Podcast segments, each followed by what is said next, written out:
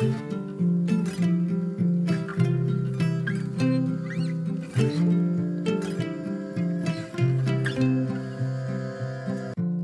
och välkommen till For Health med Anna Sparre. Idag pratar vi om det mentala. Det blir en intervju med populäre framgångscoachen och golfproffset Anders Haglund som har hjälpt tiotusentals människor. Hur fungerar egentligen ditt mentala mående och dina tankar? Idag pratar vi om allt från cravings och sömnproblem till oro och lycka. Vi pratar framgång och mental hälsa hur fungerar egentligen dina tankar? Och vad ska du ha för inställning till dem för att må som allra bäst? Vilket förhållningssätt kan bota både sockerberoende och sömnproblem?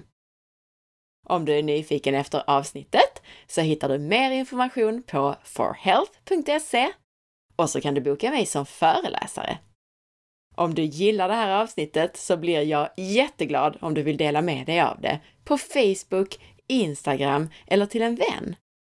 Och så önskar jag att du lämnar din recension i iTunes eller i din podcastapp. Stort tack på förhand! Anders Haglund är en av Sveriges populäraste föreläsare. Han kallar sig framgångscoach och har runt 20 års erfarenhet av att coacha människor till att plocka fram det bästa ur sig själva. Efter att ha fått en skada i foten så trodde Anders att han skulle behöva lägga ner idrotten. Istället så fortsatte han att spela golf och blev proffs. Han är idag verksam som mental tränare och rådgivare och har coachat såväl Sveriges olympiska kommitté som helt vanliga privatpersoner. Om du gillar det här avsnittet så kan jag även tipsa om att lyssna på avsnitt 84, Du är född lycklig, som med ett liknande synsätt handlar om lycka och välbefinnande. Glöm nu inte heller att lyssna i slutet av det här avsnittet om du vill vara med och kunna vinna något av Anders priser.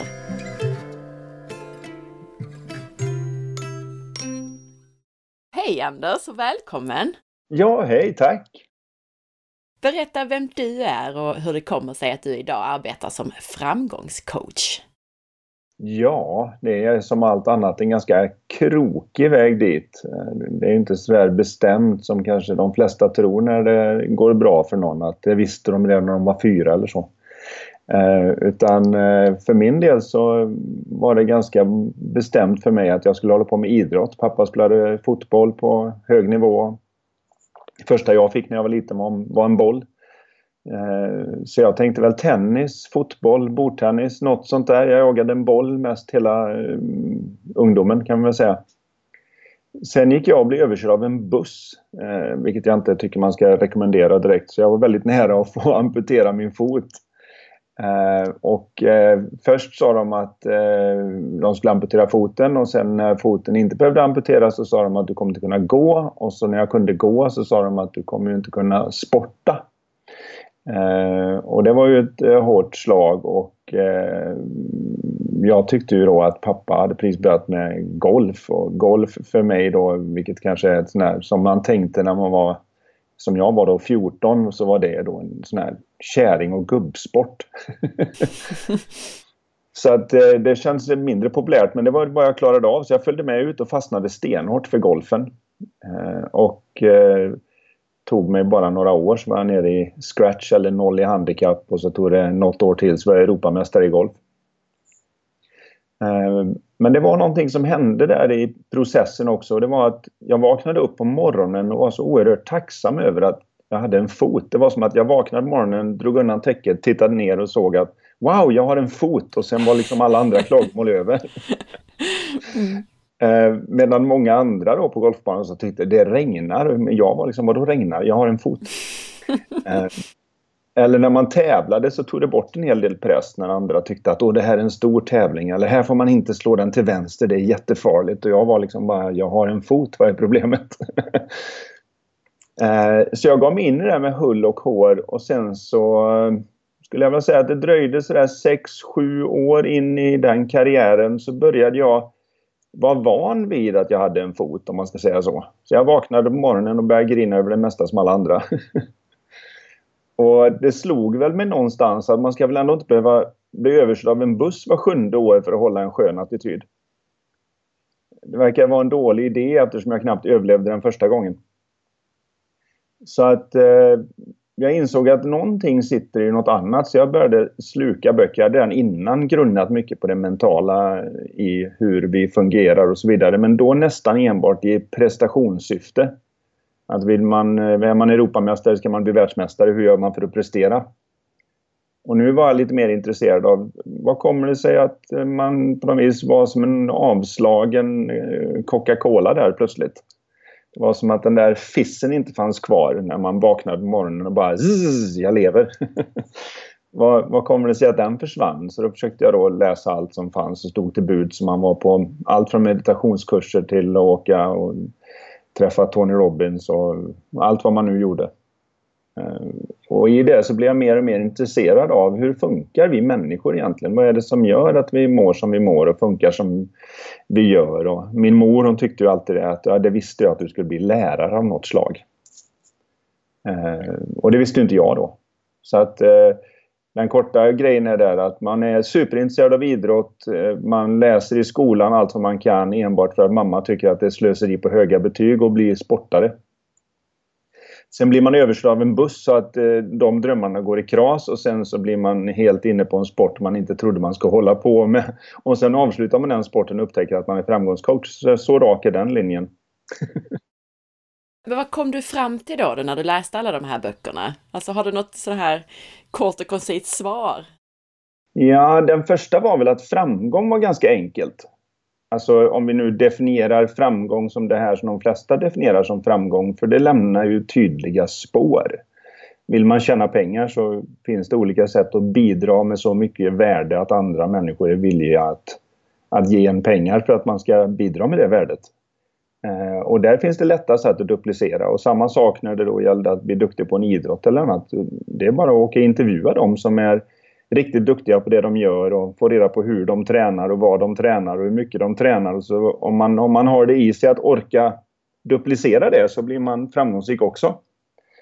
Men nu tycker jag inte att det med tiden blev ett bra mått på framgång. Utan jag tycker egentligen att det enda riktiga måttet på framgång det är att man kan besvara frågan Älskar du ditt liv? med ett rungande ja. Och jag har ju träffat mängder med människor som är oerhört framgångsrika i den första biten men som inte skulle ha något större rungande ja utan mera slår ner blicken i golvet och säger jo vars eller så.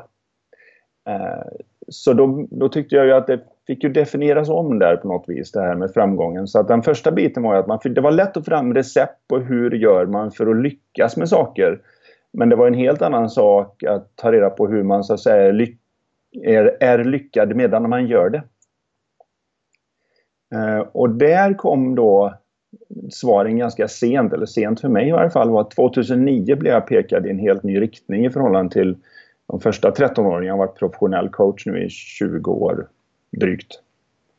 Eh, jag brukade säga att jag har varit golfproffs hela mitt liv nästan, men nu inser jag att det en, jag har varit det en kortare del än jag har gjort det här.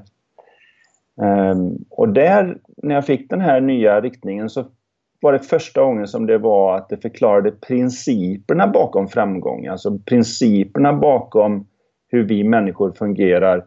Och eftersom min egentliga utbildning är som ingenjör så gillade jag det här med principer. Man förstod det rent matematiskt och fysiskt hur gravitation fungerar och att det är en princip och att i och med att det är en princip så påverkar det alla likadant. Det spelar ingen roll om man är gul, röd eller brun, vit, gay, bi, kvinna, man, gammal, ung. Utan gravitation bryr sig inte. Ja, den bara är där. Och det hade liksom inte funnits några sådana principer för det mentala utan det var väldigt sådär att det är olika för olika människor men inga grundläggande principer i att vara människa. Och det är egentligen först nu när vi har haft möjlighet att titta in i hjärnan hos folk och se hur vi människor skapar vår uppfattning och vår bild av verkligheten. Hur vi skapar vår upplevelse av vad som pågår. Som vi har haft möjlighet att börja titta in och säga att det finns faktiskt principer för hur vi människor funkar som är sanna för alla på hela klotet, nästan som gravitation. Vad är det för principer då? Ja, den första principen då, är ju att vi skapar hela vår upplevelse via våra tankar. Och att vi upplever ingenting av den utsida som känns att vi upplever. Vilket är något som filosofer har pekat på i alla tider men som ingen riktigt har förstått att det är på riktigt sant. Och att det är det här som gör att en miljardär kan vara lika bedrövad som någon som inte har en spänn och att den som inte har en spänn kan glittra i ögonen mer än den som går omkring på Östermalm och har allt de nu kan önska sig. Och att det handlar helt och hållet om att vi lever i känslan och upplevelsen av våra tankar ögonblick till ögonblick. Och att hur mycket den kan se ut som något annat så har omständigheterna aldrig någonting med det att göra. Och, och det har egentligen så att säga, stuckit ut i ögonen tror jag på oss allihop fast vi aldrig riktigt sett det. Vi, har, vi alla har ju varit med om det där vi säger att åh jag har så mycket att göra nu, jag är så stressad. Och när någon säger det så vad de försöker tala om mig nu att stress kommer från att man har mer att göra än vad man kan hinna med att göra. Och ändå så vet ju alla att idag så har man nästan varje dag mer att göra än vad man hinner med. Och vissa dagar så tycker man att det är stimulerande, tiden flyger förbi. Och andra dagar så tycker man att det är stressande. Och märkligt nog så ser man inte den här spännande lilla grejen att det kan inte ha med att göra-listan att göra om du ena gången tycker att det är stimulerande och andra gången tycker att det är stressande för du kan inte ha båda. Eller som många också upptäckt att när man har ingenting att göra så tycker man ibland gud vad skönt att bara få komma ner i varv, komma i fas, komma i kapp. Och andra gånger så tycker man det är skitjobbigt att inte ha något att göra. Vad har jag inga kunder? Och Ingen täckning på telefonen, vad är det här? Ja, jag har för mig just det här du sa där att eh, det här om man springer runt på Östermalm eller inte, alltså att eh, jag har sett någon forskning på det där, att personer som lever i krigszoner upplever samma nivå av lycka som personer som lever i västvärlden och har gott om pengar, eller hur det nu var man definierade studien. Ja, och, och i viss mån kan man väl också säga att det är ett extra ok med att då ha det bra om man inte vet om att man lever i upp och nedgången mellan öronen. därför, att, därför att när man då är nere, när man har allt, då känns det som att nu är det något allvarligt psykologiskt fel på mig. För mig då som framgångscoach som coachar en hel del människor som är duktiga i affärer eller de är väldigt duktiga som idrottare och ska till EM, VM, OS eller så vidare. De kan ju tycka det verkligen att nu har jag precis vunnit en guldmedalj eller nu har jag precis uppnått det målet. Och så är jag ändå inte tacksam. Jag är ju uppenbarligen psykopat. Eh, eftersom om jag nu tror att mina känslor ska påverkas av det där yttre och jag nu ändå inte mår så bra som jag hade hoppats på så måste det ju vara att det är något fel på mig. Alla andra om de hade fått den här chansen hade ju hoppat och studsat och varit jättelyckliga. Det är ju så vi gör upp det i vårt huvud så vi kan liksom banka oss i huvudet lite extra med att, att det faktiskt går bra. Jag tror att tittar vi på de kändaste och de som är mest framgångsrika här i världen så ser vi att de åker mest in och ut på rehab. Och det gör de inte för att de är lyckliga. Man går inte omkring på gatan och tänker gud vad mitt liv är bra, vad är mitt kokain? utan, utan allt som oftast är det ju så att man upptäcker att nu har jag kryssat av allt på den där listan. Jag menar, har man redan blivit vald till världens sexigaste man eller kvinna och bor i rätt hus med den rätta utsikten och får alla prylar skickade till sig gratis och jobbar halva året och har mer pengar än man kan göra åt någonsin. Ehm, och det ändå inte känns så som man hade hoppats på för att man trodde att den där listan skulle kunna ge mig en känsloförändring. Då blir ju det det där extra oket. Då finns det ju inget hopp. Medan alla andra då tänker att om det måste vara något fel på dem. Ge mig allt det de har så ska jag visa dig hur man är lycklig. Hur ska man tänka då? Alltså hur blir man lycklig och nöjd och framgångsrik? ja, det vore väl härligt om det bara fanns ett litet piller att ta där. ja, precis. Men, men det finns definitivt en, en förståelse och det, det, är en enorm skillnad på det här med att veta och förstå. Eh, vi vet ju mängder med saker. Jag tror att alla vet om att om, om nu pratar hälsa och annat så vet vi om att vi ska upp och ta en liten promenad istället för att fastna framför datorn eller tvn. Eh, vi vet om att det är bättre att ta en frukt eller en grönsak än att, än att ta en Snickers. Eh, det, det, tror jag vi alla har koll på. Vi vet om det men i, i skyttegraven så att säga när vi väl står där och kulorna viner skarpt så är det väldigt svårt att stå emot den där känslan som dyker upp i kroppen. Där det känns som att det var väl May West som sa det att det finns bara ett enda sätt att bli av med en frestelse och det är att falla för den. Och det kan kännas så. Att det är allt jag har just nu, det är att falla för den där frestelsen. Men det är vad jag har också när jag bara vet. Men om jag förstår vad det är som pågår så kan något annat hända. Och skillnaden på veta och förstå är lite det här med att idag så förstår vi universum bättre än vad vi gjorde förut. Vi, vi tror inte längre att våran lilla blå boll var en skiva i mitten av universum med en skål ovanpå där skaparen fäste alla stjärnor och planeter och allt annat som susar omkring och det påverkar oss. Nu förstår vi hur det funkar så det är ingen som är riktigt så orolig som förut. Innan så var det Fick man se en komet så trodde man ju att nu kommer det någon farsot eller nu är det dags att kriga med grannen innan de krigar med oss. För det här kan inte vara bra. Och nu när vi förstår bättre så tittar vi på samma sak och säger Wow, Hallis komet, den kommer igen om 76 år.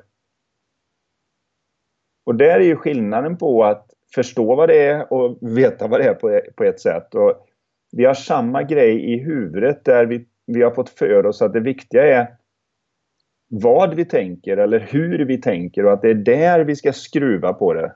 Så att det är väldigt vanligt i personlig utvecklingskulturen att om man läser böcker då för mig som har läst lite över tusen stycken av alla olika former. Så alla de kan egentligen fås ner till tänk mer positivt och tänk mindre negativt så går det bättre för dig. Och det antyder ju att vi skulle ha en ganska stor mängd kontroll över vad vi tänker som människor. Jag vet inte vad din upplevelse är, men min upplevelse efter att nu ha försökt alla de där teknikerna under de första 15-20 åren med att både jobba som professionell idrottsman och sedan professionell coach är ju att eh, det går ju inte alls. Man har ingen koll på vad som poppar in i huvudet. Man vet ju inte vad man ska tänka om fem sekunder. Nej, och det där klassiska, tänk inte på en blå elefant alltså. Den... Ja, eller vad, vad det nu än är och så dyker den upp. Men även om man säger det så dyker den upp på olika sätt varje gång. Så att man har, ingen, man har liksom inte den mängden kontroll som det har antydits. Så får man chans att känna sig misslyckad över att man inte kan kontrollera det som alla säger att man borde kunna kontrollera.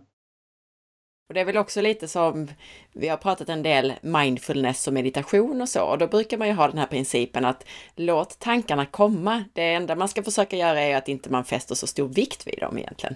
Ja, och det är ju vad ska vi säga, det, det som jag sa då att alla de här olika spirituella inriktningarna genom alla år har ju pekat från rätt håll och det kanske är en annan som sitter ute och blir lite upprörd nu när jag säger men det är fortfarande lite grann som att stå vid en dörr, knacka på den för att komma in och inte inse att man redan står på insidan. För om du väl ens behöver säga till dig själv att du inte ska lägga vikt vid en tanke så har du redan lagt vikt vid tanken. Mm. Så att man, man har redan gjort den verklig. Det finns någonting att göra med tanken eller det finns någonting som tanken skulle kunna göra med mig om jag inte accepterade tanken. så att säga. Och en förståelse gör att man inte ens behöver ta det till det steget. Det blir lite som att ingen idag, tror jag i alla fall, är kvar som behöver sitta på sin sängkant på kvällen och säga att det bara ser ut som solen är borta. Det kommer inte bli evigt mörker. Det är en boll av helium och väte som har brunnit i 5 miljarder år. Den ska brinna i 5 miljarder år till. Du kan lägga dig nu och bara acceptera att det är mörkt och att det är skönare att sova när det är mörkt. Så bara sov nu. Behöver jag ens ha den diskussionen med mig själv så har jag inte förstått hur det ligger till. Men vad är det då? Vad är det vi ska förstå? Kan du konkretisera det för oss? Ja, den är ju svår att konkretisera eftersom vi ska på något vis få tag i något formlöst. Men vad man kan säga är så här att vi fungerar så fantastiskt bra att den känsla vi har i kroppen som vi på något vis, om du frågar ute på stan så skulle nog de flesta säga att när jag får en stark känsla så är det ett bevis för att det jag tänker är sant, att det är viktigt. Jag känner så starkt, det måste vara sant, skulle jag vilja påstå är det som gör att folk inte kan motstå en bulle eller inte kan låta bli att ge fingret till någon i trafiken eller skrika åt sina barn eller vad det nu än är. Och vad den där känslan faktiskt försöker säga till oss är att just nu har du gått på dina tankar lite väl mycket. Det är mera som att ta på en brännplatta och det kommer en smärtsignal. Det är inte att man ska sitta där och säga ah, om du behöver inte bry dig om den. Utan, utan vad den, den, signalen försöker säga är bara det att nu ska du ta dig själv på extra lite allvar. Det här, du är extra mycket ute och cyklar nu. Du ser inte längre normalt sett så ser vi kan inte se världen som den är. Vi gör den bästa hallucination, gissning vi kan göra inne i huvudet. Och har vi tur så korrelerar den bra med utsidan och så går det lätt att leva. Men Mm, så fort den, den hallucinationen inte korrelerar alls, när vi är riktigt ute och cyklar, då får du en stark känsla i kroppen som försöker säga ta bort handen från brännplattan nu. Och ta bort handen från den mentala brännplattan, det är helt enkelt att sluta ta dina tankar på allvar. Det är inte ens att du ska försöka fixa och dona med dem, bara det är tankepunkt, du är klar nu. Den här känslan försöker få tala om för dig att du ska ta bort handen, du ska inte hålla kvar den och säga jag måste vara på väg i rätt riktning för det gör ännu ondare när jag håller kvar här. Faktum är att nu när jag varit kvar en riktigt lång stund så luktar det bränt fläsk. Jag tror jag kommer komma ut förändrad på andra sidan. Utan, utan den säger bara ta bort handen.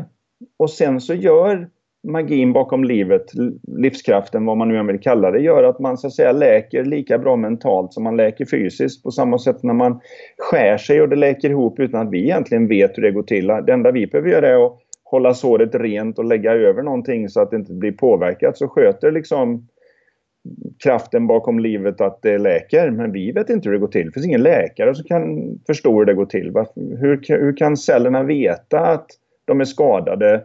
Hur kommunicerar de med varandra så att de börjar bygga? Hur vet de när de möts i mitten så att de ska sluta? Och varför växer det inte ut en tvilling? Det här är ju sånt som ingen läkare, oavsett om de fått Nobelpris och annat, det är ingen som vet om det här och ändå så är man inne och försöker fixa med själva strukturen utan att riktigt ha förstått. Eh, och det är samma med det här att vi förstår inte att känslan försöker säga någonting om att vi är ute och cyklar. Den försöker inte säga att vi är ovanligt rätt. Men om du tittar på de flesta människor när de är riktigt arga till exempel så skulle de säga så här att jag har aldrig sett så klart över hur folk är ute efter mig. Och, så de känner det som att den här brännande känslan, den här skarpa känslan i kroppen är som en lins som förhöjer att nu har jag verkligen rätt. Och när de lugnar ner sig så ser de ju att gud vad jag var ute och cykla. och, och det enda som hjälper dig i verkliga livet är ju att se och verkligen kunna förstå tillräckligt för att veta att när känslan börjar komma att nu är det lite grann som att köra onykter. Man ska aldrig köra onykter men om man väl gör det så ta höjd för cementgrisarna står inte där de ser ut för mig att de gör. Så, så ta en extra meter emellan här så slipper du höra hur det skrapar i metallen.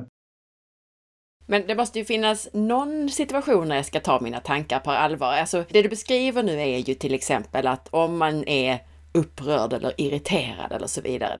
Det är kanske då man inte ska ta dem på allvar, men om man är sådär lugn och härlig, ja. ska, man, ska man ta sig själv på allvar då då? Man kan väl säga så här att man vet i varje fall att nu är jag ju närmare att ha vad jag kallar mental klarhet och då kommer, då kommer tankarna ganska intuitivt och skönt. Eh, det är därför man alltid ska vara misstänksam mot någon som säger att jag har stark intuition. Eh, för äkta intuition kommer inte starkt. När, du är, när det är starka känslor involverade så är man helt fast upp i sitt eget huvud.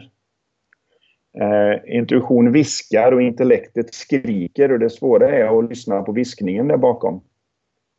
Eh, och Det är också någonting som man lär sig när man förstår att Gå inte på nu bara för att storbandet spelar så högt. Du ska lyssna på den här lilla flöjten som sitter borta i hörnet den, den vet liksom redan innan det här att du lugna dig nu, du har varit nere här förut, det kommer inte sluta, det är bättre att hålla tyst. Eller vad det nu är som kommer.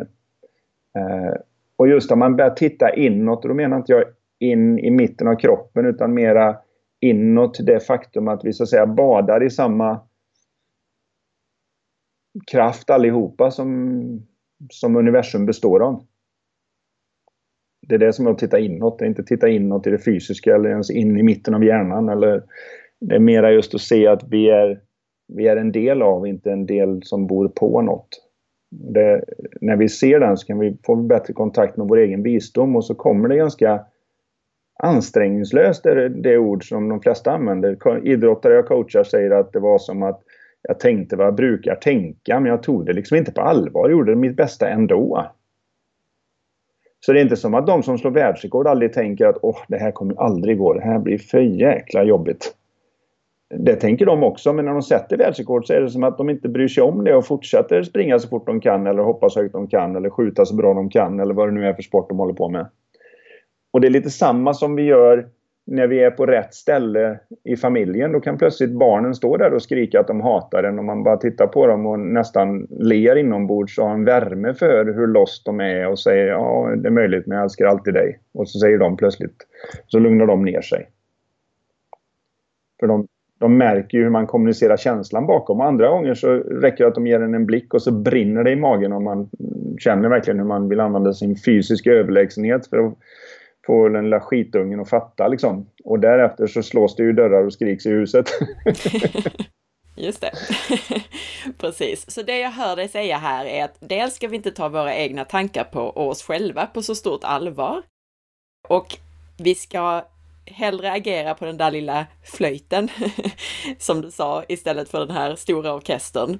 Ja. Och kanske då hellre lyssna på oss själva när vi är i något slags lugnt eh, stadium.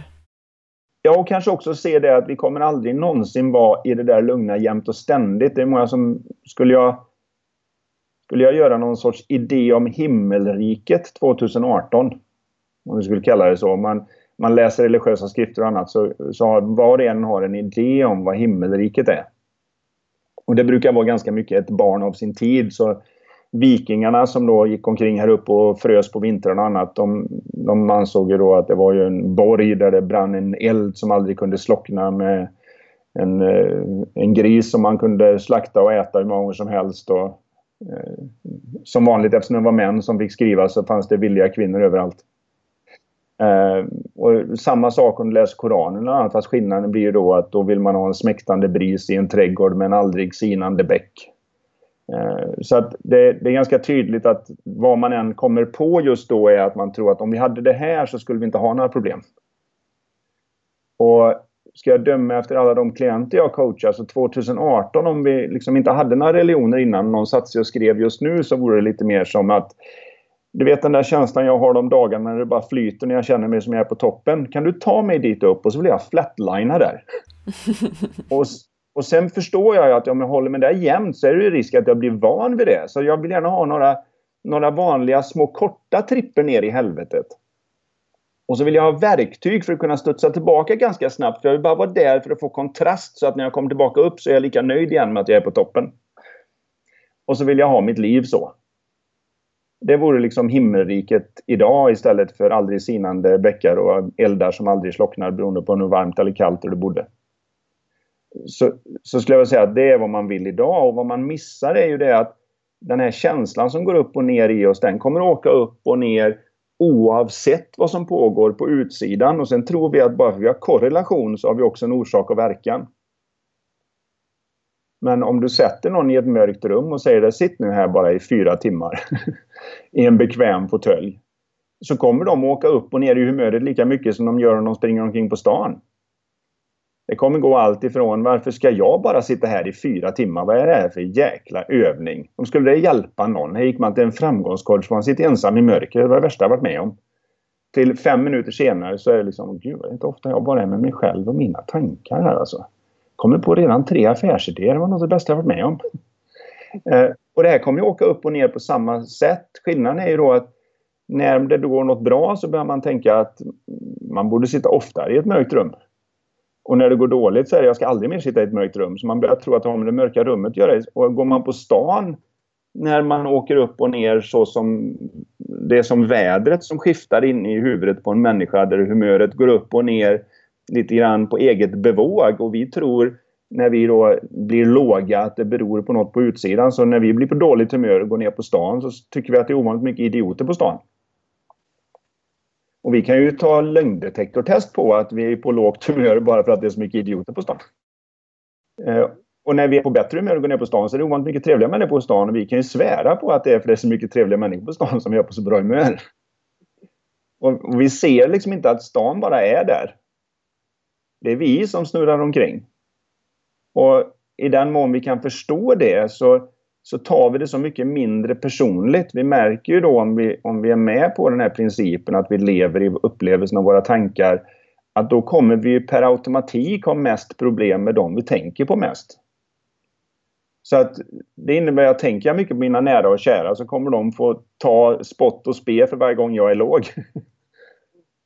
eh, och, och, däremot quinoaodlarna i Peru de kommer undan nästan varenda dag. För de tänker jag inte mycket på. Så att de kommer inte få klä skott för mina låga humör där mitt intellekt börjar leta på utsidan över vad det var som orsakade. Så att man kan svära på att hade bara inte fru eller make kommit hem så hade jag ju fortfarande mått bra. Så självklart var det de som orsakade det här. Istället för att se att nej, men det här är sånt som, det som väder, det drog in en tankeskur. eh, och det är inget fel på det, det är precis som i det vanliga vädret. Man kan ta på sig Gore-Tex och gå ut och leka i det också. Det är inte som att man inte kan skriva ett mejl för att man är på lite lågt humör. Man, man ska ju vara varse att det kan vara bra att göra en 30 minuters paus och läsa en gång till innan man trycker sänd. Jag menar det är mera just att man hittar ett bättre förhållande till sina tankar när man tror att man kan styra dem. Så att det blir lite mer som många chefer har tyckt det är så härligt när, när man har coachat dem ett tag. När de börjar se att nu vet jag när jag kan lita på mig själv. Jag vet hur det känns när mina beslut kommer från ett ställe där de är Eh, förankrade på rätt ställe och jag vet att nu kan jag lita på det. Och jag vet när jag, jag har en, en, annan tryckkänsla i kroppen när jag försöker pressa fram den, när jag försöker trycka fram det. Och jag vet att det kommer inte bli bra hur mycket jag än försöker. Och, så det är inte att de försöker bli av med de tillfällena av tryck eller få mer av de där andra känslorna. Utan det är mer att, att veta att okej, okay, nu är det Gore-Tex, nu är det parasoll, nu kan du ta det i shorts. det är mer att det är mer att förstå att som människa så funkar det så här. Det är ingenting som... Det, det är lika du kan lika lite komma undan att leva hela livet utan att vara ledsen och sorgsen som du kan leva hela livet någonstans utan att det kommer att vara ovanligt varmt eller ovanligt kallt eller ovanligt regnigt eller ovanligt blåsigt. Det kommer att ha hänt dig liksom. Det, är inte, det ingår. Och det är inga problem så länge du vet vad det är frågan om. Det, det är mindre jobbigt att ta sig igenom en vinter när man vet att det ska bli vår. Jag tänkte vi kanske skulle kunna konkretisera det genom att applicera det på området hälsa, det du säger här. Ja.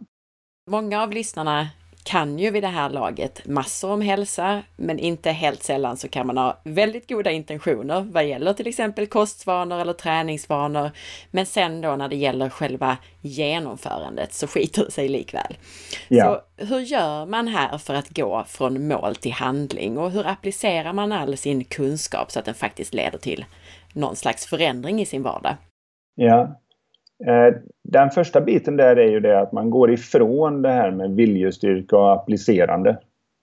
Eh, man tittar inte så mycket på disciplin för man, funderar, man tror ju ofta det, det, det var jag för ofta, att hade jag bara haft bättre disciplin så hade mitt liv varit bättre. Men enda gången vi behöver disciplin det är ju när vi ska göra skit vi inte vill.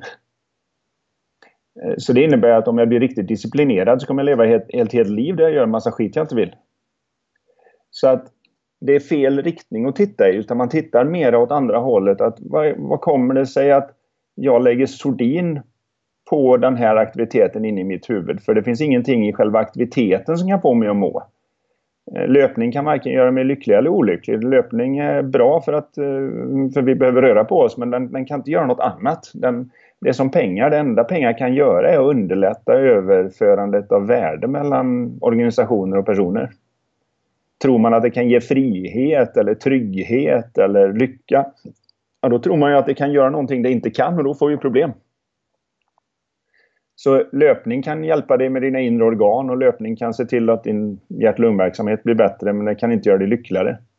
Det, eh, det, det, är inte där man tittar på det utan vi tittar mer på vad är inspirationen till det? Vad, kan jag, vad är rätt om jag bortser från det?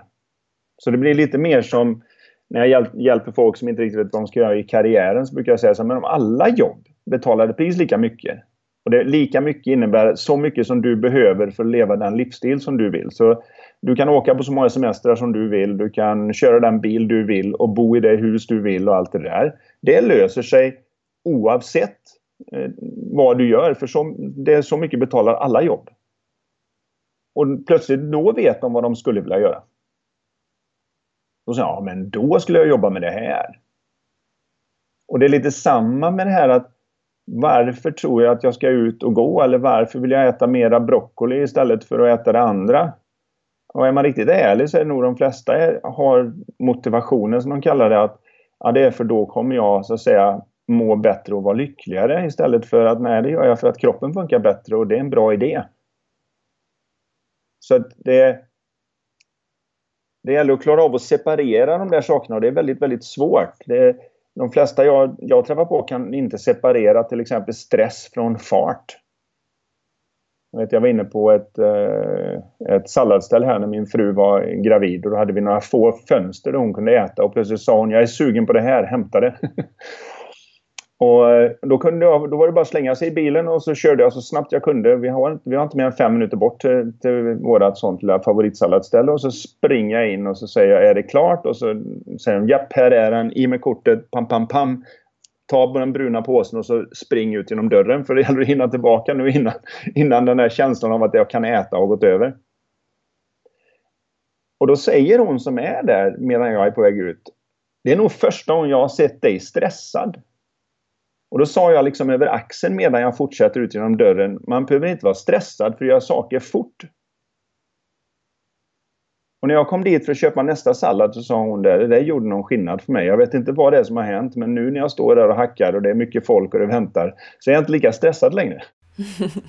för de flesta kan inte separera det i huvudet. Liksom. Man, man, när man har så att säga bråttom då är man stressad. Värst vad du var stressad säger man när någon kommer susande in någonstans. Men har, det skulle göra att Usain Bolt var världens mest stressade person. ja, precis. Eh, så det är vissa saker vi inte separerar där som till exempel vad kan pengar göra? Vad har fart med det att göra? Hur många saker du kan komma på att du borde göra idag har inget med din stress att göra. Du kan alltid ställa dig i duschen och komma på att det finns hundra saker du borde göra men du kan fortfarande bara hinna med tre till fem grejer. Så så stress, stress är ett symptom av felanvänd fantasi och har ingenting med något annat att göra. Ja, men det har jag märkt själv också, att om jag känner mig stressad så om jag bara tänker så här, okej, okay, jag gör saker fort och jag gör en sak i taget, då brukar det gå bra. Ja. Och, men det är just det, det är lite klurigt. Jag såg, eh, jag såg till exempel eh, en intervju med George Clooney inför Gravity. Jag vet inte om någon där ute som lyssnar har sett den filmen när Sandra Bullock och han är någonstans ute i rymden. Men då fick han, de gör ju hundra intervjuer och till slut tycker de väl det är tråkigt att svara likadant. Men för en gångs skull svarar han nog ganska bra på de frågan och säger vad har varit det svåraste med den här inspelningen du vet? Och så har han väl sagt olika saker men den här gången så verkar det som det var någorlunda eh, sanningsenligt. För då sa han det att det svåraste är att när man är nere på jorden och ska få det att se ut när man hänger i vajrar som man egentligen är uppe i rymden och är tyngdlös är att man måste röra sig väldigt långsamt men prata i normal takt. Och han sa att det tog honom tre veckor tills det skedde automatiskt. För annars, är det någon där ute som lyssnar så kan ni prova att bara föra handen väldigt långsamt framför ansiktet och se om inte talet saktar ner lite samtidigt. Så att om, om man börjar vifta på handen jättefort så går gärna talet upp lite grann. Och han, det tog honom tre veckor att kunna separera det i nervsystemet. Att det in, talet måste inte gå upp för man rör sig fort och det måste inte gå ner för man rör sig långsamt. Och det är lite samma i tanken. Så jag vet inte om den här, det här exemplet gör något, men det var ganska gulligt. Jag hade en hockeyspelare jag coachade som jag frågade vad, vad, vad vill du få ut av våran coaching? Och då sa han jag vill komma till NHL som är drömmen för allt och alla. Sådär. Och då sa jag, men vad är det som kommer att göra det möjligt? Om vi backar ett steg, vad, vad, vad skulle du säga är nyckeln? Vad är hävstången? Vad är det du vill få till? Och då sa han, ja, de flesta säger ju att jag är bra nog när jag spelar bra men när jag har mina låga, alltså när jag har mina dåliga tillfällen då är de inte riktigt lika bra. Så jag kan väl säga så här, jag vill ha mina bra matcher oftare och mina dåliga matcher mindre ofta. Då tror jag jag skulle kunna komma till NHL, bara genom det. Och då frågade jag, vad är skillnaden mellan en bra match och en dålig match då? Och då säger han så här att ja, på en dålig match så är det som att jag har ingen tid överhuvudtaget. Jag hinner knappt få pucken innan det bara smäller och någon tacklar mig. Jag får bara skicka iväg pucken in i zon och hoppas att någon gör något med den. Jaha, sa han. men är det en bra match då? Och sa han. Ja, men då är det som jag har all tid i världen. Jag ser när de kommer och så bara jag drar mig undan och så ser jag vad, vad mina medspelare är och lägger pucken till dem och det känns som jag har all tid i världen. Och när jag hörde det där så, jag vet inte varför men jag sa det här med, jag sa till honom så här att om du är riktigt ärlig, tror du att de åker olika fort? Och då började han skratta och sa han det, det är första gången jag har tänkt på det men innerst inne har jag faktiskt trott att det är de som åker olika fort. Och då sa han, vad tror du nu att det är då? Då funderade han en liten stund till och sa han det, jag tror jag hittat den gemensamma nämnaren nu. Och sa, vad är den då? När det är hektiskt inne mellan mina öron ser det hektiskt ut på utsidan och när det är lugnt mellan mina öron ser det lugnt ut på utsidan. Efter det så har han, alltså han har höjt sig till en helt annan nivå, vilket är lite kul. Men, men där är den lilla insikten. Och den, det är det jag menar, den, den dyker upp på så många olika sätt. Jag hade en bulimiker jag hjälpte eh, och när vi hade pratat ett tag så, så kom hon plötsligt tillbaka och sa jag är bra nu.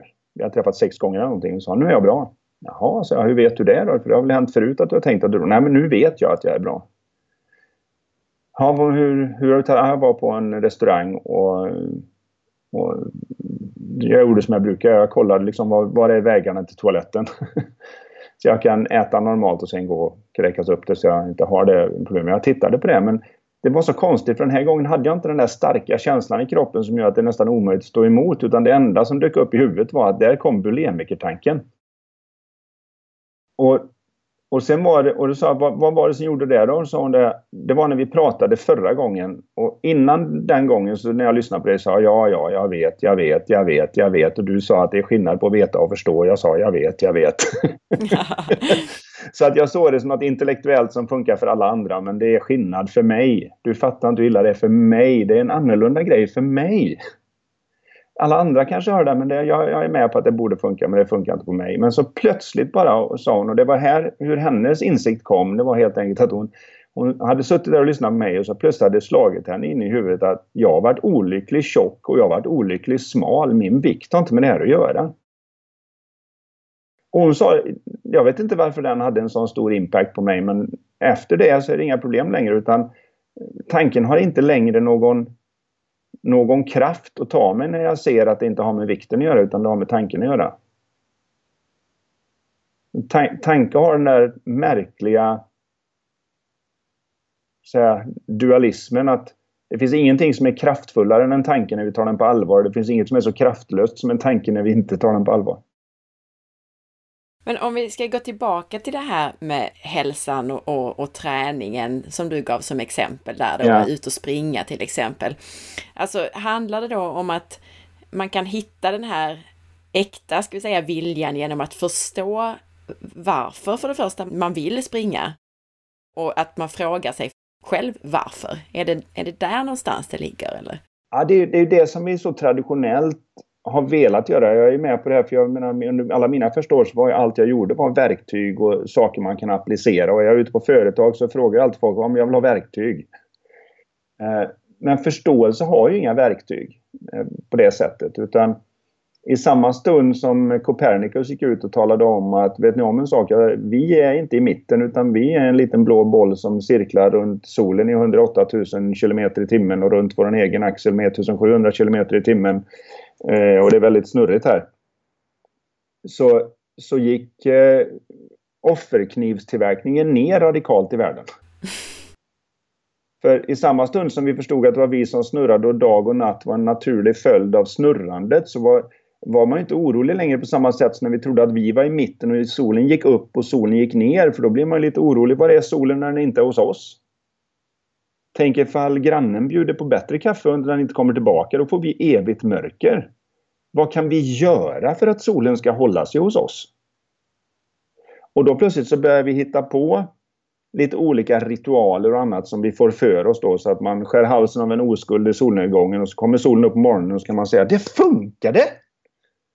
Eh, men problemet är ju då att varje gång jag blir orolig när det blir mörkt så kommer jag ju se om det går med fem oskulder eller tio oskulder eller något annat.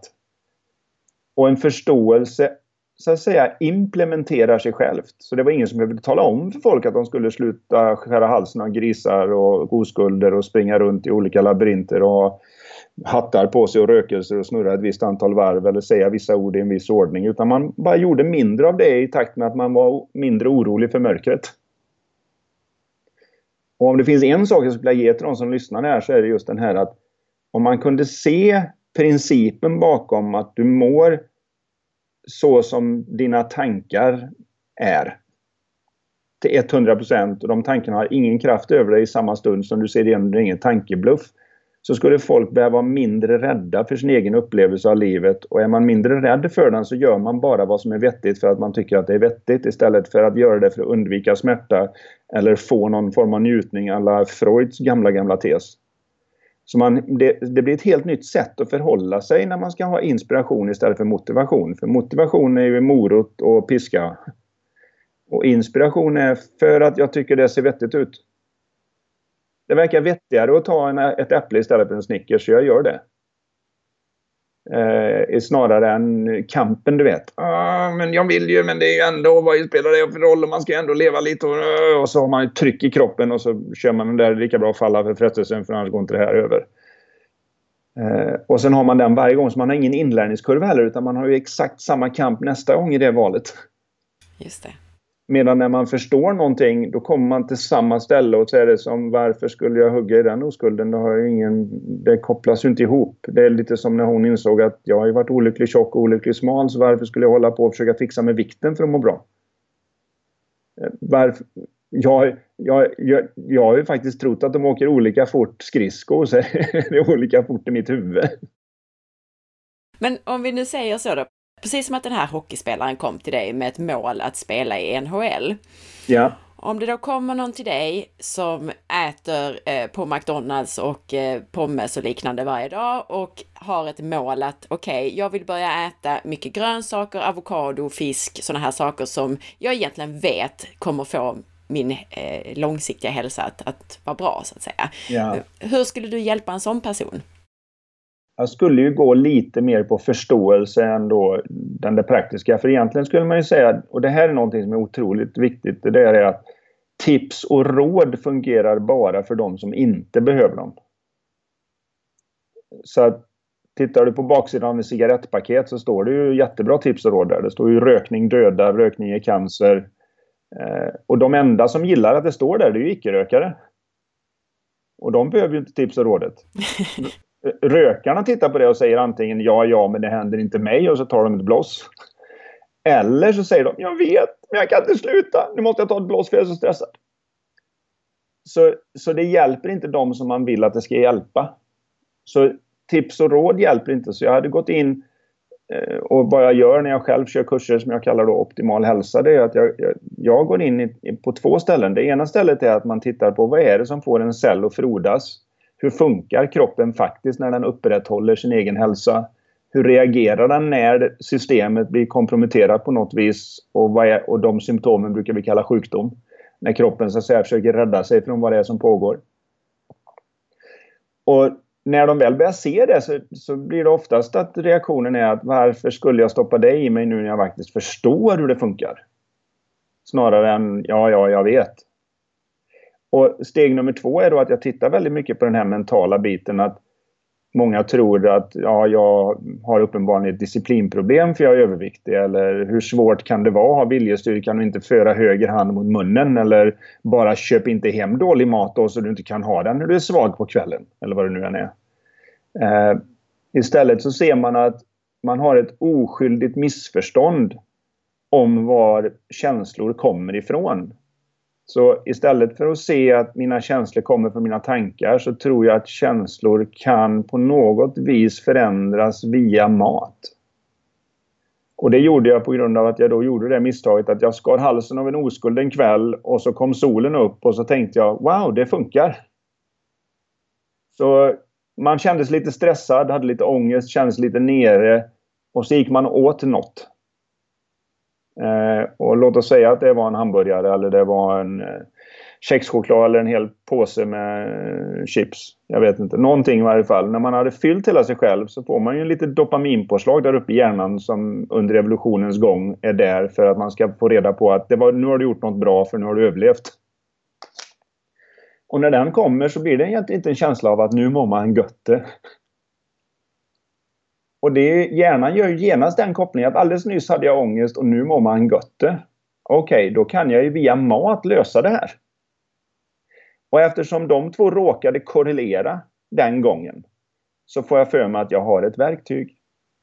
Så bring it on ångest. Nästa gång jag har ångest så, så alla alla som har lite problem med det här med till exempel att, att sköta sin livsstil och, och, och försöker mer dieta Eh, har missat och gjort det lilla oskyldiga missförståndet att känslorna kommer inte därifrån du tror här nu.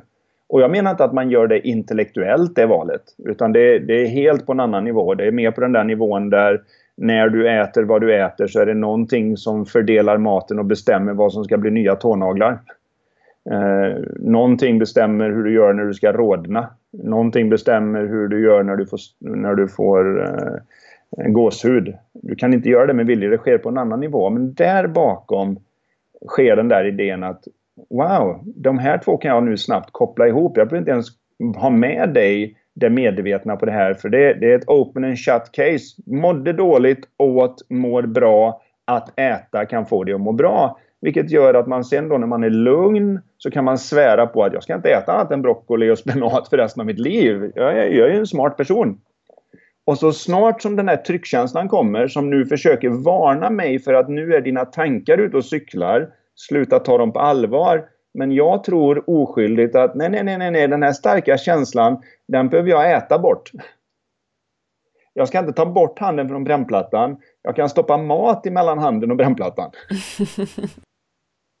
Om jag gör det så går smärtan bort. Och när jag då någon gång äter och det inte händer så ser jag inte att vänta nu, nu har jag nog inte en princip här. Nu hade jag en liten teori. För en princip, då händer det varenda gång. Då ska det vara må dåligt, ät, må dåligt, går bort. Då funkar mat. Men om det plötsligt är att varannan gång, var tredje gång, någon gång i veckan så funkar det så att säga. Då borde man säga att då kan jag lägga ner det för att jag inte hittat en princip. Men vad de flesta gör är precis vad alla andra vidskepliga människor har gjort genom alla tider. Funkar det inte med en oskuld så lägg upp fem. Så vi ökar dosen av mat. Vi tar en cigarett till. Vi flippar till nästa kanal och hoppas att där ska det perfekta programmet finnas som stör mig så mycket att jag mår bra igen. För en gång när jag mådde dåligt så ploppade jag ner i soffan och började kanalsurfa och upptäckte att jag plötsligt mådde bättre. Så jag fick för mig att kanalsurfandet i sig kan vara ett verktyg. Istället för att se att nej, nej, det råkade bara korrelera med att jag hade en tankestorm och så någonstans medan jag satt och tittade på TV så gick den över och så kom solen fram och jag trodde att det berodde på TVn. Men måste vi få den här då aha-upplevelsen som den här bulimikern fick i det här fallet då? Att aha, okej okay, nu fattar jag. Eh, det är bara mina tankar så att säga som gör det här. Man, man kan ju säga att varje gång som jag överhuvudtaget inte gör det så är det lite grann som när man har en mobbare på skolan eller någonting. Eh, kommer det någon och snor mössan för en eh, som man kan se när jag hämtar barnen, vet, så är det någon stackare som råkar ut för det. De andra snor mössan och börjar kasta den fram och tillbaka. Och om den andra personen nu jagar omkring efter mössan, då kommer de göra det varje dag. Men om de säger jag gillar, jag fick den av mamma, jag gillar den inte, jag bara på den för att hon ska ha den. Ni kan hålla på med den så länge ni vill. Ni kan lägga den på mitt skåp när ni är klara och så går man bara så kommer de inte göra det imorgon. Eh, och lite på samma sätt är det som att vi har en mobbare inne i våra egna huvuden. Den är nästan som att, gick du på den? Då kan jag göra det imorgon igen. Eh, och det känns ju nästan självdestruktivt men det, det, är någonting som vi har byggt upp genom alla tider genom att säga det att vänta om, du, om, om, om det brukar ju vara så att det ska vara viktigt om det är så här men vi har blivit lurade eh, av oss själva och annat. Så varje gång vi, om vi bara kan komma på oss en gång i veckan där vi märker att det var inte så farligt som jag trodde. Det här kommer bara från där det är så kommer hjärnan börja göra den här nya kopplingen.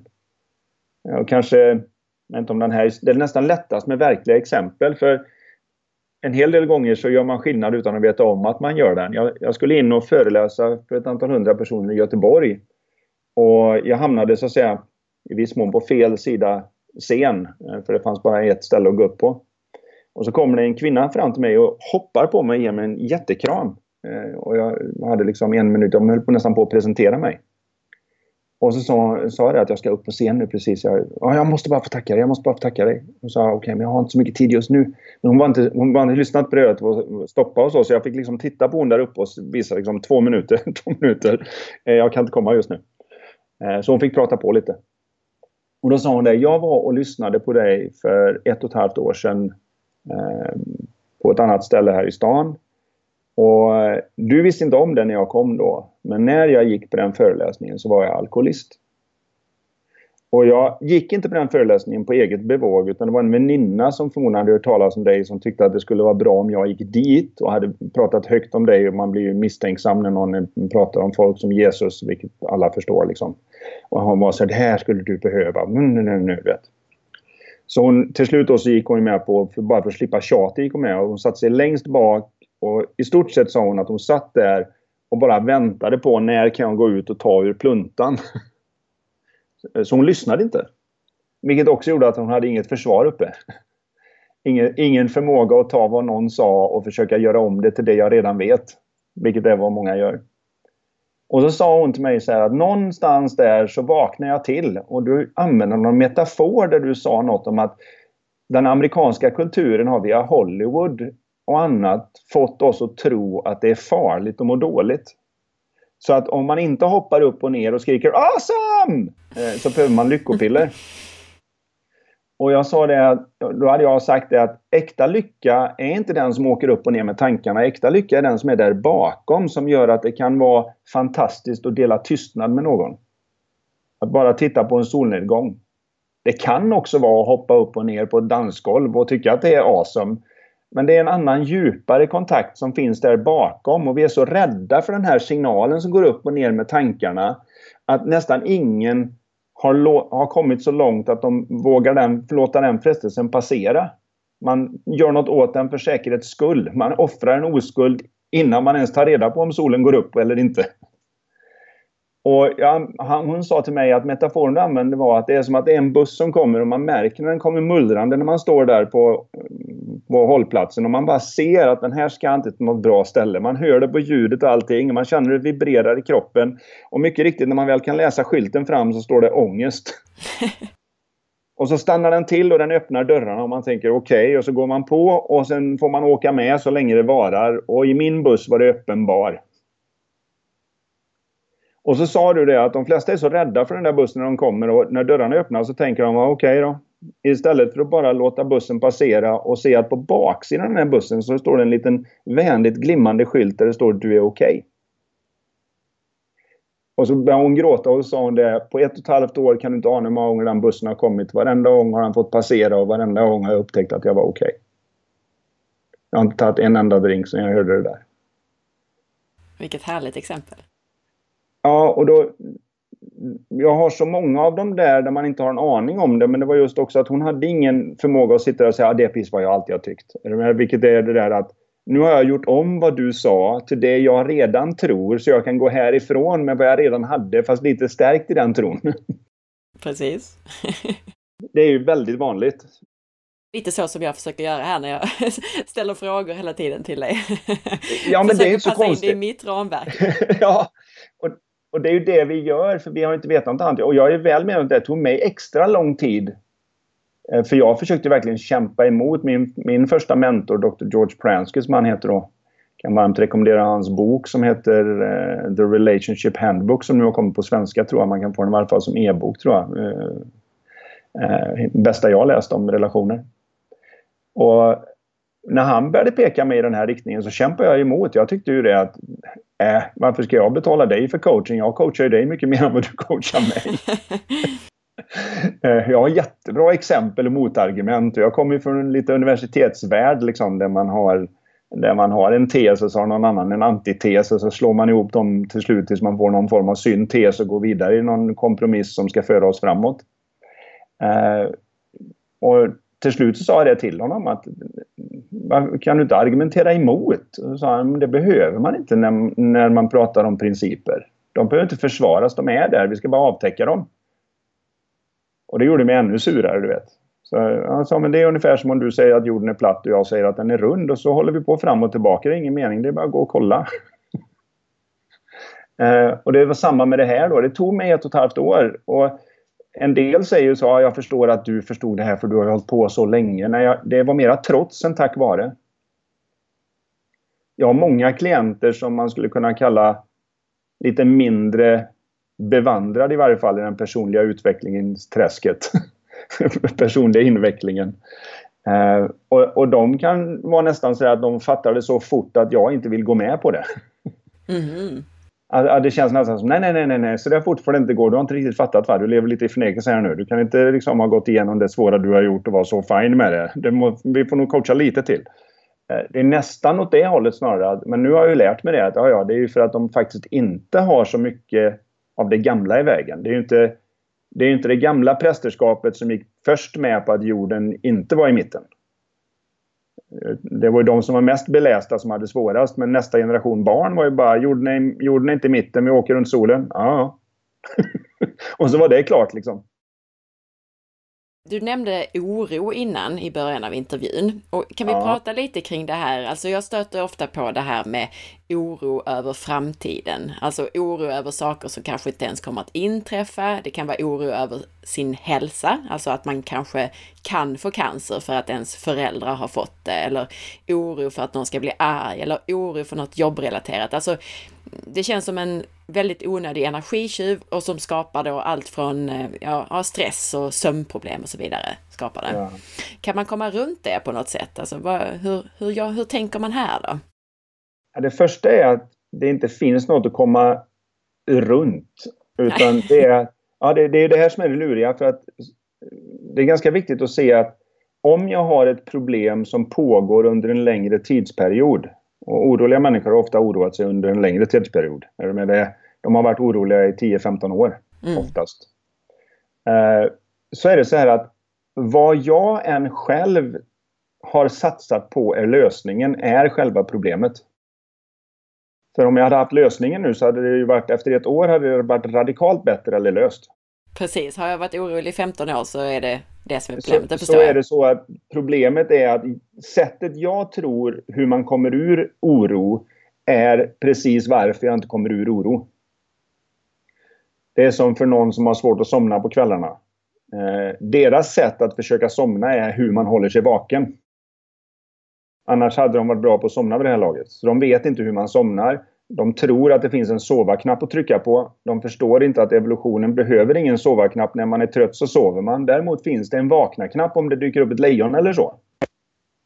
Så om du trycker på vad du tror är sova-knappen så trycker du på vakna-knappen och så till slut så är du så vaken. Klockan, så det är först klockan fyra på natten när du tittar på klockan och säger nu spelar det fasen ingen roll om jag somnar överhuvudtaget. Då somnar du en gång. När du slutar göra din lösning, då somnar du. Mm. Och det är samma sak med oro. att Skälet att man inte kan komma ur oro är att den som ett oroligt sinne ser problem överallt. Och ett oroligt sinne tror att de måste lösa alla de problemen för att kunna komma ur sin oro. Istället för att se att jag måste obetingat problemen släppa min oro och då kommer jag upptäcka att problemen inte finns där längre.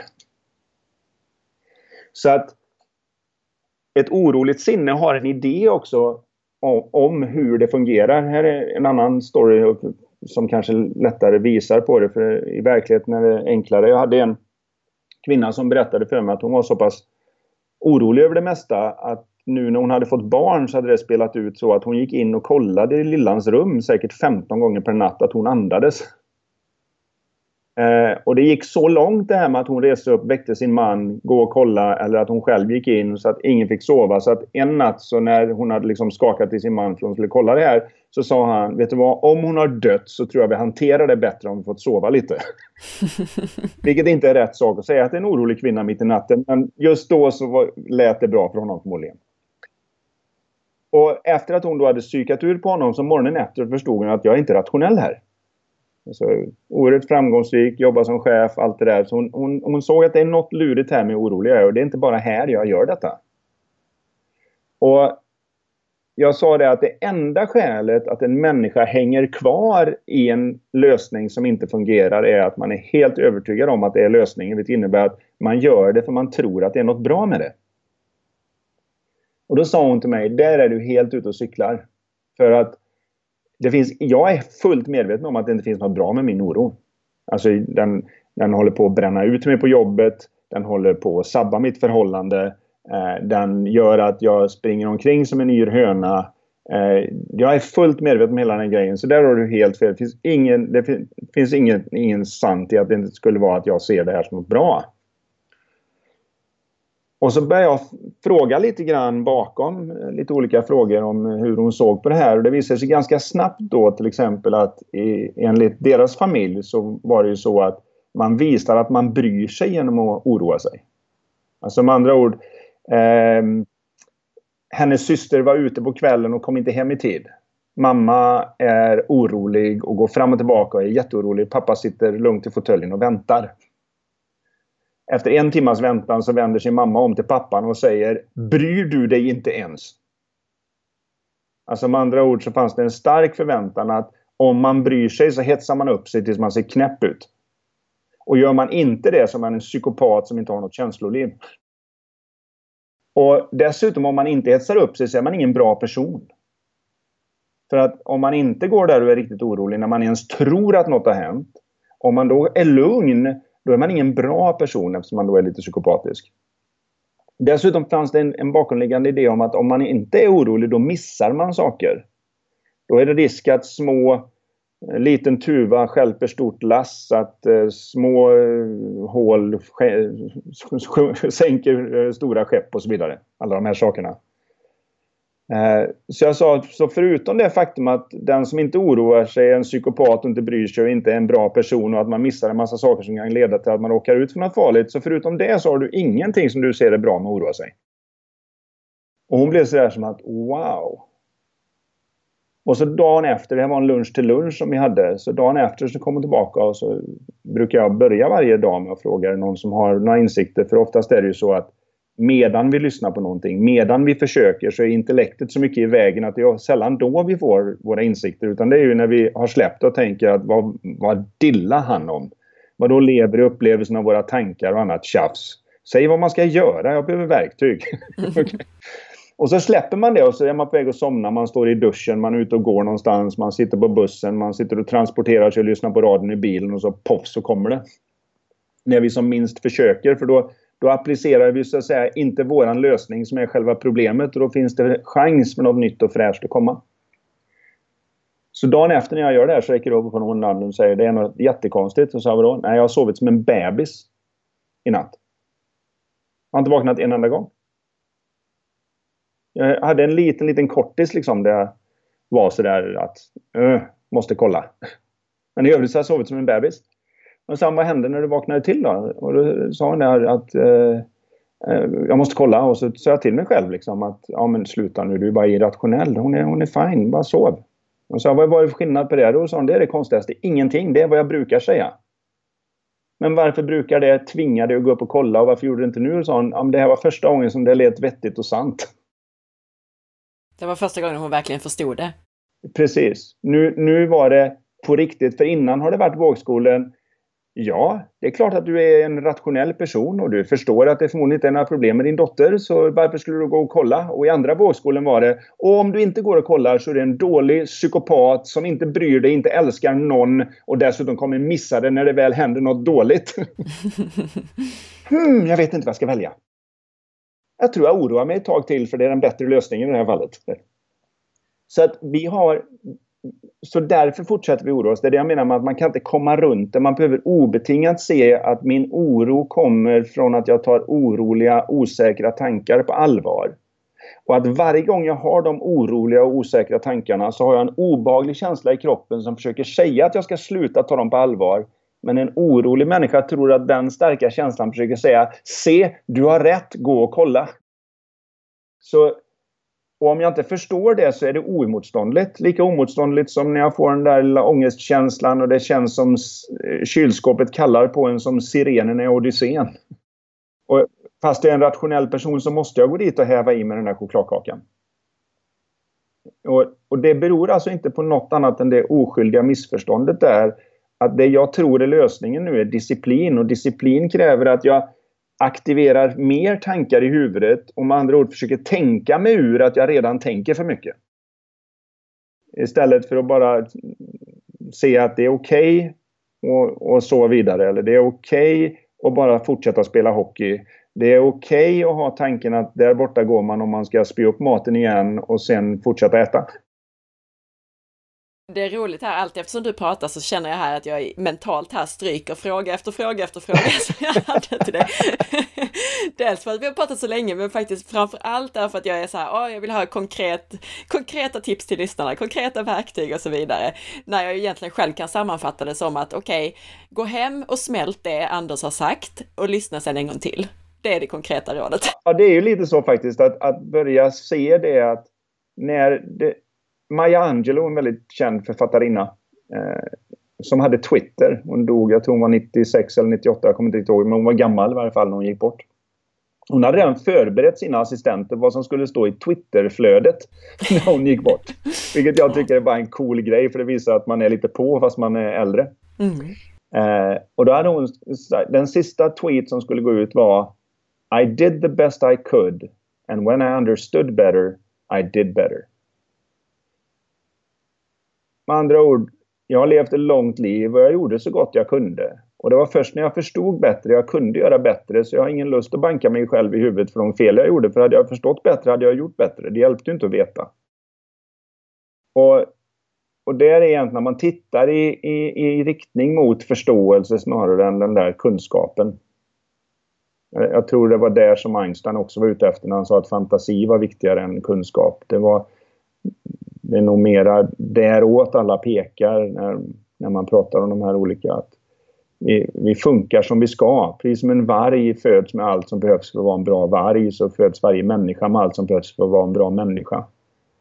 Uh, vi, behöv, vi har fått det som behövs för att klara sig. Och en varg ser automatiskt vilken ren som är svagast i gruppen och därmed har minst chans att sparka en någonstans så att man uh, inte kan uppsöka vargsjukhuset utan man kommer att åka illa ut.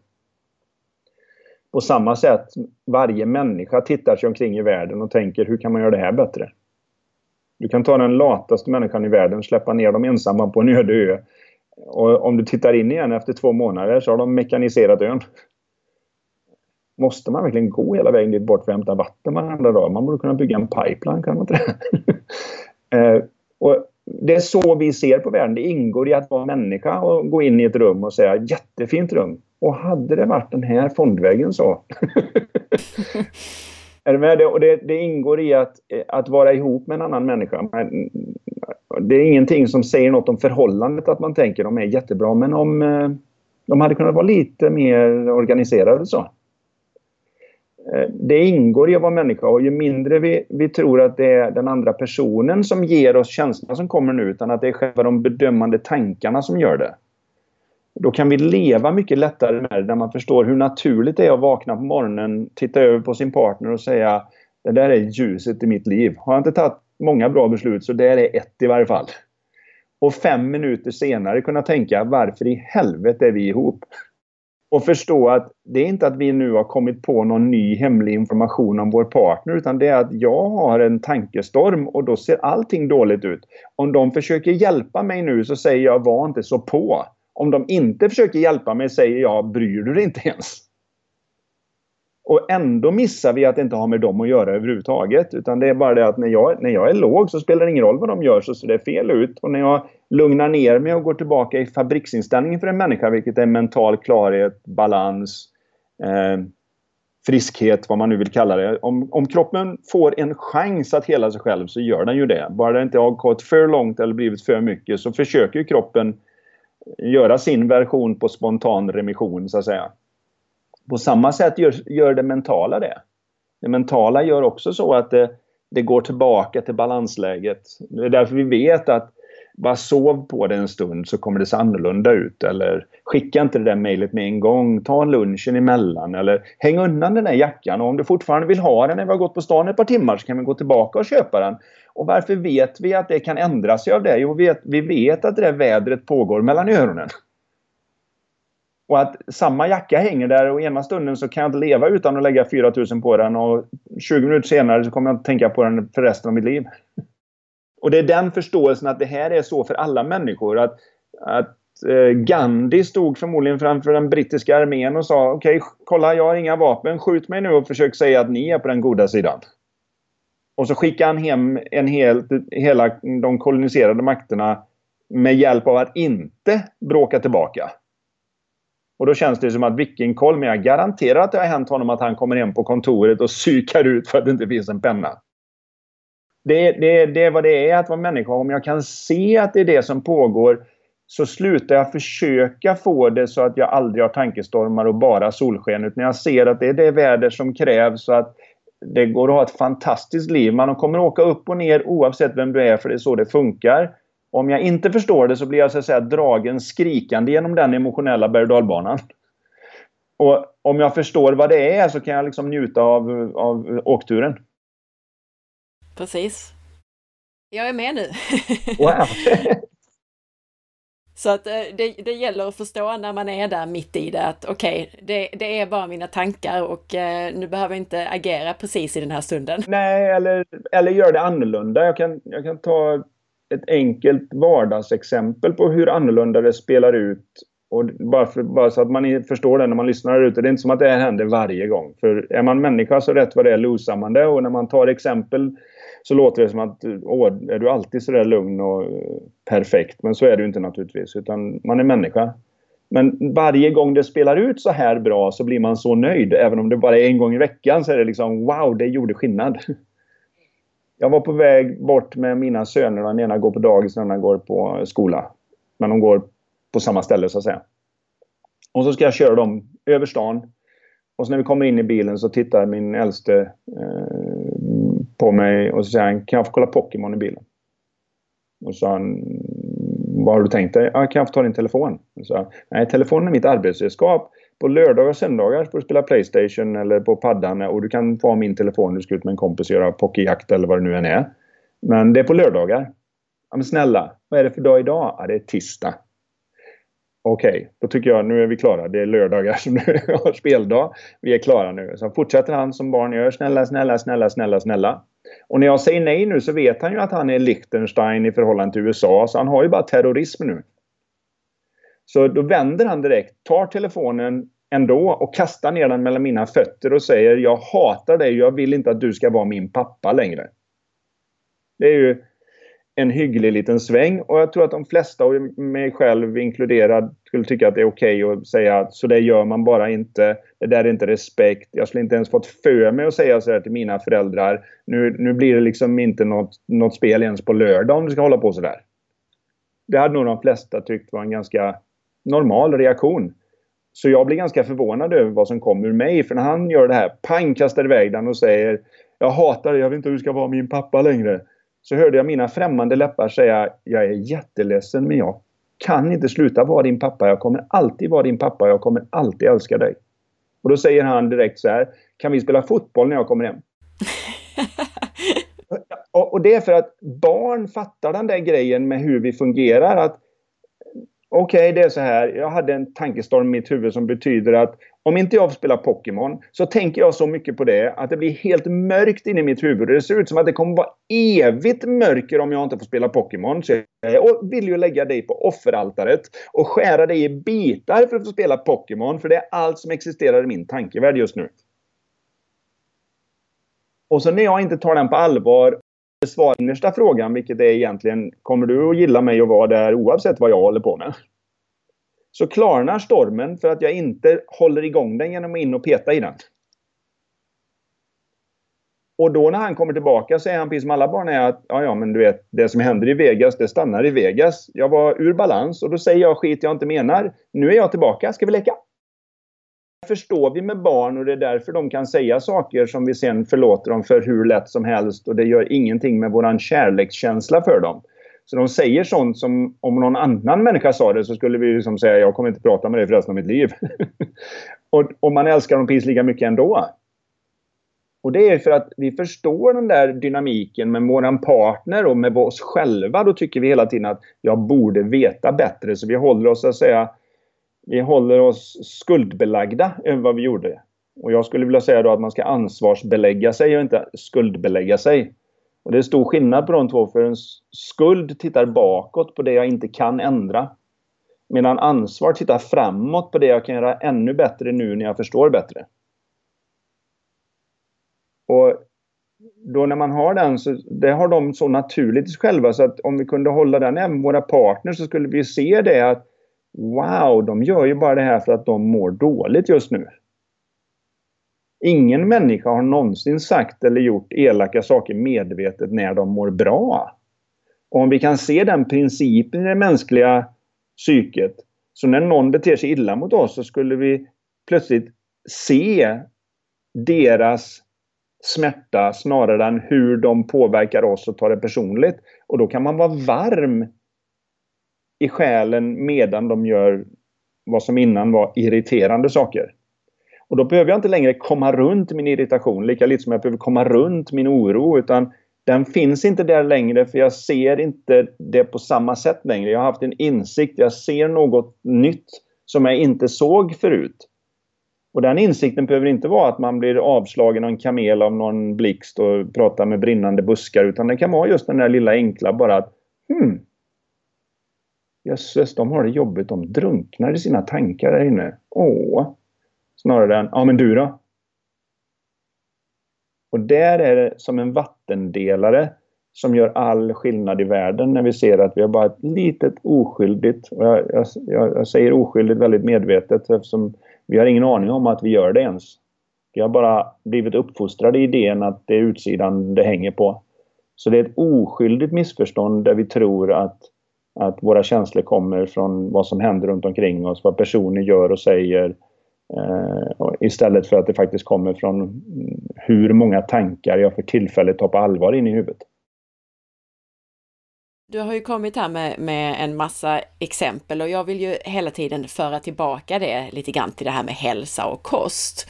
Mm. Och på något sätt så, det du har förklarat här, det är så himla typiskt för det här att det funkar ju väldigt bra att om man känner till exempel ett starkt sug efter något väldigt onyttigt i stunden. Ja. Bara man då liksom ger det ett par minuter, sitter på fingrarna ett par minuter, så är man ju i ett helt annat ska vi säga, sinnesläge eller tankesläge nästa stund. Yeah. Och, och, då är det precis som att, ja men varför skulle jag ta det där? Jag behöver inte det. Nej. Och är det kopplat lite till det här? Det är kopplat helt till detta till och med. Så att det är just att se det att om jag, om jag inte hugger tag i en tanke så, så kommer en ny och fräsch och fylla den. När jag hugger tag i en tanke så fastnar jag så att säga eh, lite grann som om, om du sitter med en iPad eller din dator. Du fastnar på det som finns i hårddisken. Medan när du släpper den så kan du få nytt och fräscht från internet. om man använder använda det som metafor så att säga. Så det är helt och hållet just det här att att tanken är så flytande. Den har ingen, den har ingen egen kraft. Eh, din fråga får mig att tänka på i somras när vi hade lite regnigt när vi var i stugan och stugan är ju ett mindre ställe och man sitter där vet, man försöker komma ihåg vad pappa gjorde på regniga dagar. Eh, och så börjar jag titta i molnen och få på min kille då. Och, har du sett där borta? Det är ett lejon liksom. Och han sitter där. Va? Jag fattar ingenting. Vadå lejon? Ja men tänk dig att det där är nosen och det där är en tand som går ner. Och om jag kan smitta honom så att säga med mitt tankevirus. Det, det finns ju inget lejon där uppe i molnen utan det får jag ju tänka dit. Men om jag kan smitta honom med mitt tankevirus nu genom att prata om det så till slut säger han Ja, jag ser det nu, jag ser det nu. Så blir han exalterad och säger Ser du draken där borta? Och så säger jag nej och så får han förklara för mig. Och så håller vi på sådär lite fram och tillbaka.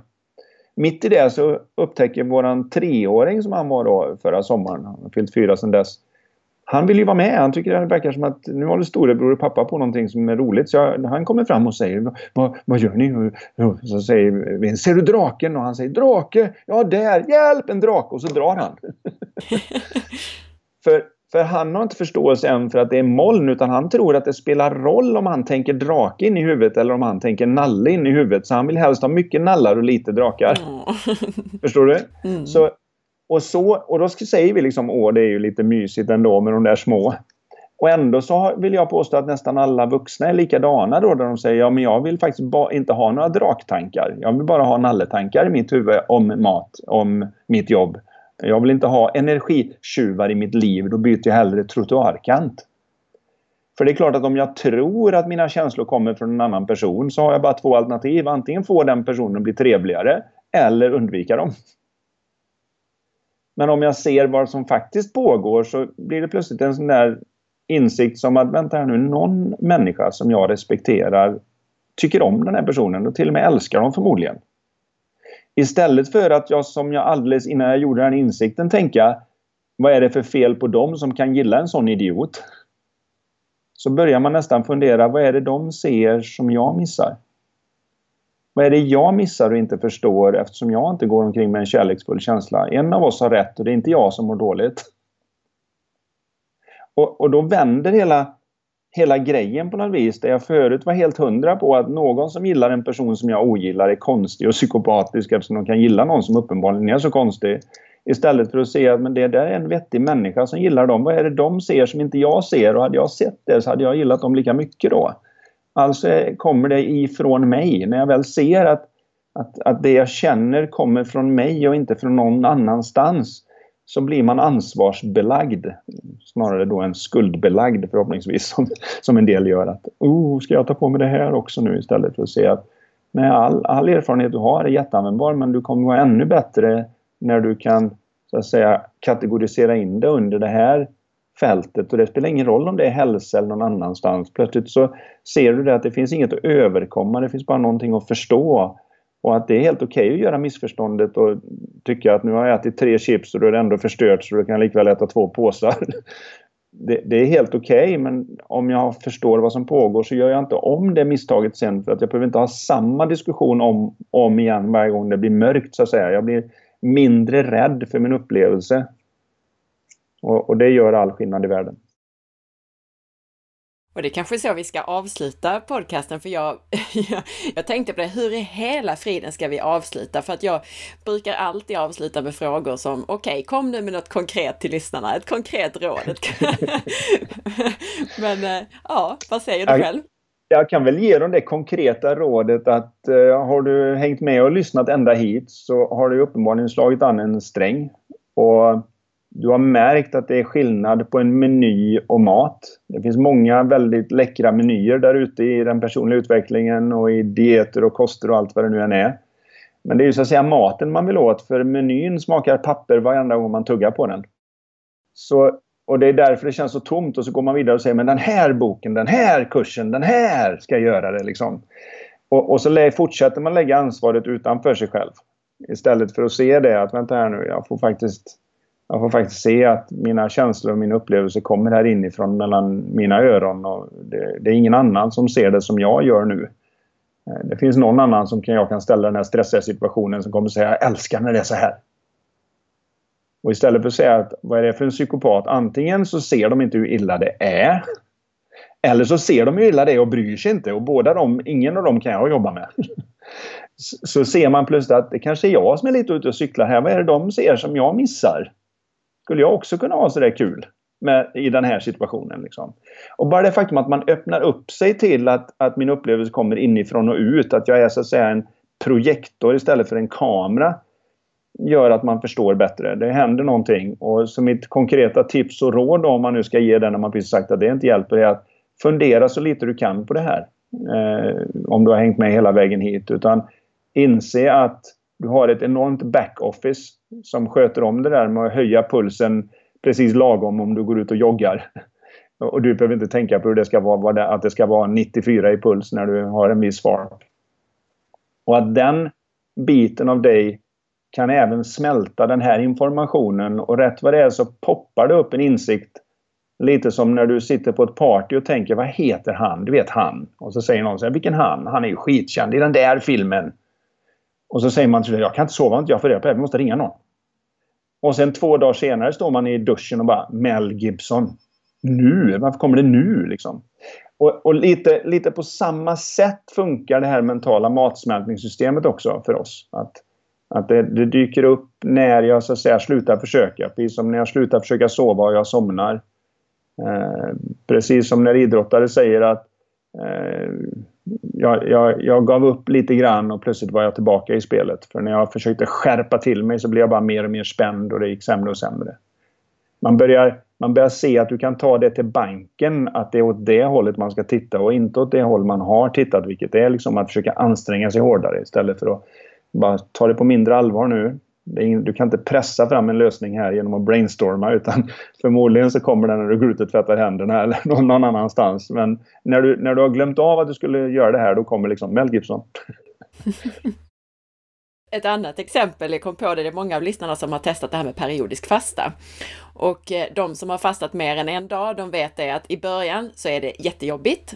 Man kan bara tänka på mat, ingenting annat. Och sen så, så småningom så kommer det här att okej, okay, det är faktiskt helt ofarligt att vara hungrig. Det är bara en, en känsla, en tanke. Ja. Och sen precis då, ska vi säga om man fastar flera dagar så är det så här kvällen innan, då blir man så här besatt igen, okej, okay, för nu, nu vet man att okej, okay, imorgon ska jag få äta. Så då ja. är det liksom ett helt annat tankemönster igen. Och det, det, märkligaste är ju då att du kan känna att jag måste få äta, jag kan äta en häst. Om, inte någon, om någon lägger fram mat nu så måste de gå undan för annars blir de skadade. Ja, precis. så och trots det då när jag väl låter den gå över så kan jag ha 3-4 timmar där jag, där jag faktiskt då har längre tid utan mat men jag är helt lugn vilket visar att det kommer inte från avsaknad av mat. Den där känslan av, av eh, brådska så att säga, av hur viktigt det är, den kommer återigen från tanke och när jag inte tänker på den då är den inte där och när jag börjar tänka på den då är den så stark att den känns som att det är det enda som finns.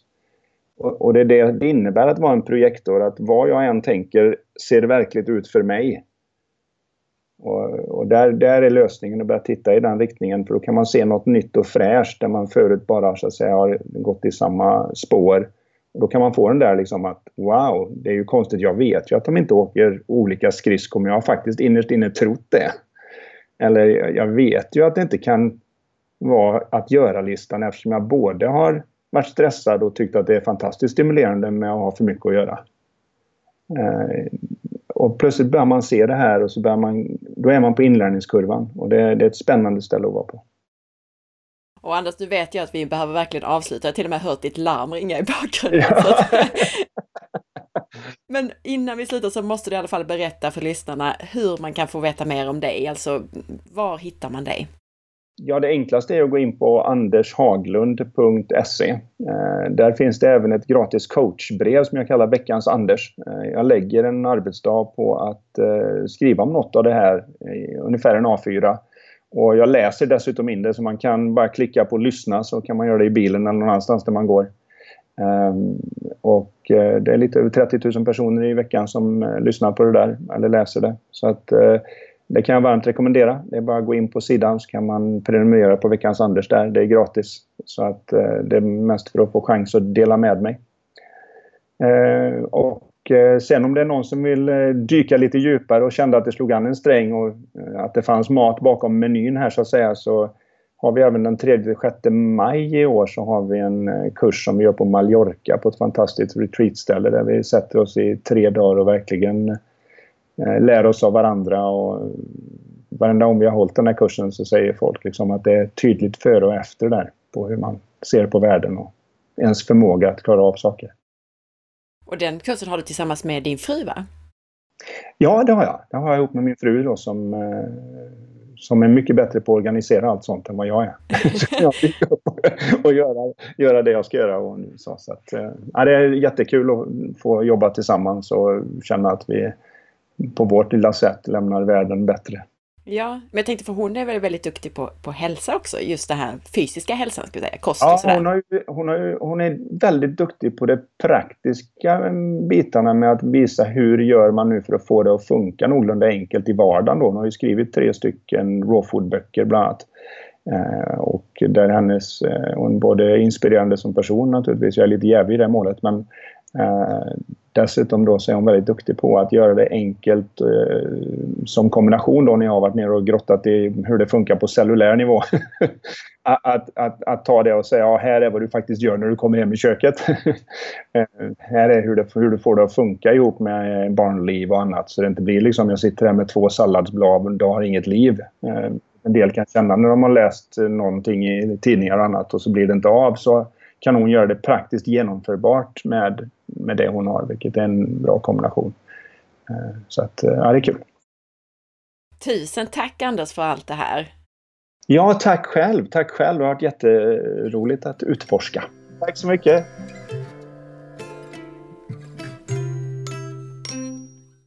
Glöm nu inte att dela det här avsnittet på Facebook. Fem stycken av er som delar vinner Lifetalk, ett personlighetsutvecklande spel som Anders har utvecklat. Gå till facebook.com forhealth.se och dela inlägget om det här podcastavsnittet. Skriv då också en kommentar så att jag säkert sett att du delat avsnittet. Och du, om du anmäler dig till Anders event på Mallorca, så hänvisa till den här podden For Health med Anna Sparre vid anmälan, så får du en goodiebag av tänkvärda gåvor till ett värde av hela 2000 kronor i Anders webbshop. Tack snälla för att du lyssnade idag! Om du vill ha fler sådana här intervjuer, gå in i iTunes eller din app på mobilen och lämna din recension. Och glöm inte att tipsa andra om podden. Dela avsnittet med en länk på Facebook, i din Facebookgrupp till exempel. Veckans recension i iTunes är från Helena MH som skriver Bästa podden! Längtar alltid till nästa avsnitt. Har lyssnat på alla avsnitt och vissa flera gånger. Tack Anna! Tack Helena! Missa nu inte att följa med på facebook.com forhealth.se och på Instagram via asparre. Vi hörs snart igen. Ha nu en riktigt bra dag och ta hand om dig. Hej då!